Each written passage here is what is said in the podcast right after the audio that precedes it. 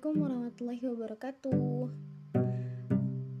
Kembali lagi di episode keempat Masih dalam pembahasan analisis fikih terhadap produk keuangan kontemporer Di mana di episode keempat ini produk kontemporer yang akan aku bahas adalah arisan online atau arisan daring Disclaimer sebelumnya, bahasan kali ini aku ambil dari berbagai referensi seperti jurnal, fatwa, dan juga berbagai berita.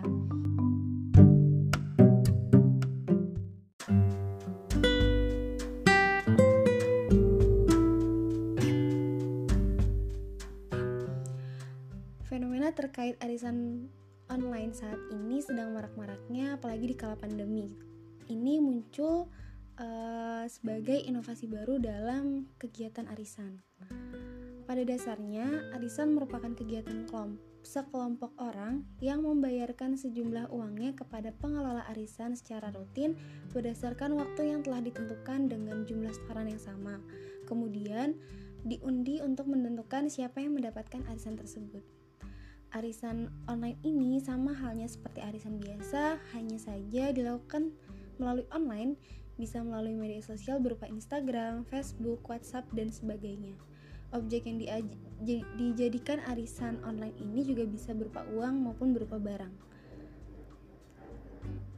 Sebelum memulai menganalisa hukum fikihnya, uh, mari kita pahami apakah kegiatan arisan online ini sudah memenuhi parameter kesesuaian syariah. Uh, parameter kesesuaian syariah indikator pertama yaitu terbebas dari transaksi yang dilarang. Dalam arisan online, jangka waktu dan jumlah yang didapatkan tiap bulannya jelas dan diketahui uh, teknis pembagiannya. Lalu yang kedua, uh, dalam pelaksanaan kegiatan arisan ini uh, menggunakan akad kord sehingga sesuai dengan akad dan transaksi syariah. Lalu yang ketiga, pada hakikatnya secara sederhana arisan ini merupakan bagian dari pinjam meminjam sehingga diharuskan menjaga adab-adab uh, Islam uh, yaitu adanya kejujuran dan keadilan dalam kegiatan ini.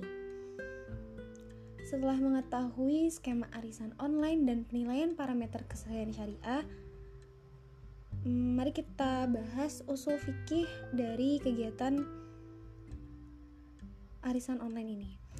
Yang pertama ada Quran surah Al-Maidah, Quran surah Al-Maidah ayat 2 yang artinya dan tolong menolonglah kamu dalam mengerjakan kebajikan dan takwa dan jangan tolong menolonglah dalam berbuat dosa dan pelanggaran dan bertakwalah kamu kepada Allah sesungguhnya Allah amat berat, berat siksanya.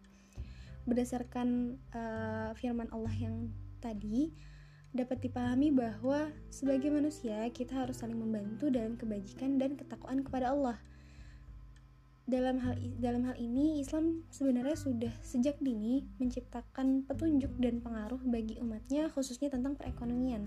Bahkan Allah juga memerintahkan kita untuk menyeimbangkan antara dunia dan akhirat sebagaimana yang dijelaskan dalam surah Al-Qasas ayat 77 yang artinya dan carilah pada apa yang kamu dan carilah pada apa yang telah dianugerahkan Allah kepadamu kebahagiaan negeri akhirat dan janganlah kamu melupakan bahagiamu dari kenikmatan duniawi dan berbuat baiklah kepada orang lain sebagaimana Allah telah berbuat baik dan janganlah kamu berbuat kerusakan di muka bumi ini. Sesungguhnya Allah tidak menyukai orang-orang yang berbuat kerusakan. Di ayat ini eh, Allah memerintahkan untuk kita berbuat baik kepada makhluk Allah sebagaimana Allah telah berbuat baik kepada kita dengan memberi nikmat eh, yang berlimpah karena itu, tolong menolonglah dengan harta dan karunia yang Allah berikan, menemui, menemui mereka dengan baik, memuji mereka tanpa sepengetahuannya, dan sebagian orang muslim juga diperintahkan untuk tidak memberatkan muslim lainnya. Setelah mengetahui hukum asal dari kegiatan ini, maka didapatkan makasih syariah, yaitu e, dalam rangka memenuhi kebutuhan masyarakat dan meningkatkan kesejahteraan, serta dalam rangka mencapai suatu tujuan yang sering diperlukan pihak lain. Dari adanya usul fikih, makasid dari kegiatan ini didapatkan dua kaidah fikih yang sesuai dengan kegiatan ini. Yang pertama ada kaidah pada dasarnya semua bentuk muamalah boleh dilakukan kecuali ada dalil yang mengharamkannya. Dan kaidah yang kedua, menolak mafsadah didahulukan daripada meraih maslahat. Maksudnya adalah uh, kaidah ini digunakan untuk menyikapi bahwa arisan online mempunyai manfaat bagi anggotanya, namun jika dalam penerapan dalam penerapannya ada yang dirugikan, maka dalam hal ini lebih baik dihindarkan. Setelah mengetahui hukum asal, maka sid kaidah fikih dari kegiatan ini, maka didapatkanlah fikih muamalah yang melandasi adanya kegiatan ini. Mayoritas ulama berpendapat bahwa hukum arisan sama seperti hukum asal muamalah yaitu mubah atau boleh karena belum pernah disinggung oleh dalam Al-Qur'an dan termasuk dalam kegiatan tolong-menolong. Akan tetapi e, sebagian ulama e, ada yang berbeda pendapat bahwa hukum arisan ini haram. E, pendapat pertama yang memperbolehkan arisan e, dengan mendasarkan pendapatnya bahwa arisan ini memudahkan orang yang kesusahan dan termasuk dalam takaful ta'uni atau solidaritas mutual. Lalu pendapat kedua, ulama yang mengharamkan arisan mendasarkan pendapatnya pada argumentasi uh, dalam arisan terdapat unsur qur'ah atau undian dan unsur pemindahan hak. Di mana pemindahan hak ini tidak syar'i karena tidak melewati hak tidak melewati cara-cara yang dihalalkan dalam Islam seperti waris, jual beli, sedekah, dan lainnya. Sehingga arisan ini mengundung, mengandung unsur judi. Dalam penerapannya, arisan daring menggunakan akad kord yang berupa pinjaman yang diberikan kepada pihak lain yang memerlukan. Hal ini diatur dalam Fatwa DSN MUI nomor 19 tahun 2001 tentang kord Selain itu juga ada standar syariah AAOIV nomor 19 tentang KORT.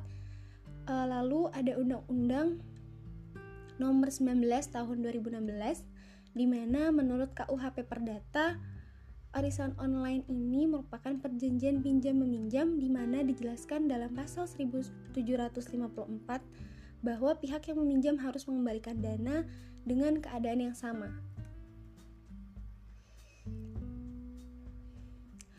Pembahasan terkait arisan daring atau arisan online ini uh, juga pernah menjadi pembahasan dalam jurnal-jurnal nasional dan internasional.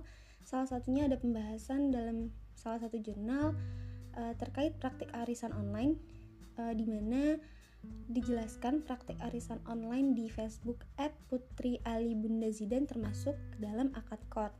Perjanjian dalam arisan ini adalah sah meskipun tidak dilaksanakan secara tertulis karena pasal 1320 KUH Perdata tidak mencaratkan sahnya perjanjian harus secara tertulis. Penerapan denda keterlambatan pembayaran iuran uh, merupakan penerapan dari pasal 1203 1243 KUH Perdata tentang penggantian biaya ke kerugian karena tidak dipenuhinya satu perikatan. Selain itu, uh, banyak bermunculan pemberitaan terkait kegiatan ini salah satunya uh, pada media massa detiknews.com uh, di mana sejumlah emak-emak muda mengadu kepada Polresta Malang Kota setelah menjadi korban penipuan arisan online dan investasi online. ada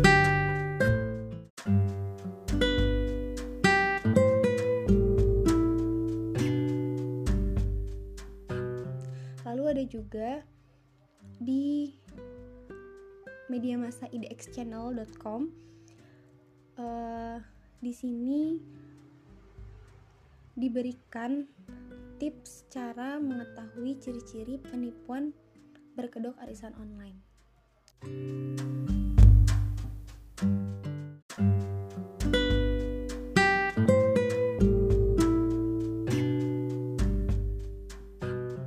Setiap transaksi bisnis pasti memiliki resiko dan harus melakukan pemasaran dalam upaya mengembangkan kegiatan bisnis ini. Di mana resiko dari kegiatan ini salah satunya adalah resiko kerugian. Ini terjadi jika sebelum mengikuti arisan online, seseorang kurang mencari tahu terkait teknis dan sebagainya. Uh, dan ini dapat dimitigasi dengan mengetahui ciri-ciri arisan online bodong sehingga seseorang itu tidak terjerumus dalam penipuan. Lalu uh, dalam upaya untuk mengembangkan kegiatan ini biasanya dilakukan oleh para pengelola arisan online uh, mereka mem memasarkan arisan ini melalui media sosial atau melakukan digital marketing.